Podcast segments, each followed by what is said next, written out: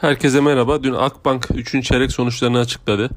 3 ee, milyar 211 milyon TL net kar geldi. E, piyasa beklentisinin üzerinde piyasa e, 2, 2 milyar 772 milyon bekliyordu. Bizim beklentimizin de üzerinde.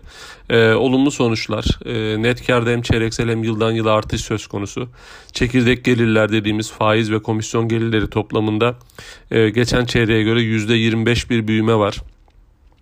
Ee, burada da özellikle marjın artışı, e, net faiz marjının artışı, kredi mevduat makasının e, genişlemesi e, gibi operasyonel taraftaki olumlu gelişmelerin etkisi gözlemliyoruz e, sermaye getirisi olarak 3. çeyrekte %18.7'ye e, yükseldiğini görüyoruz.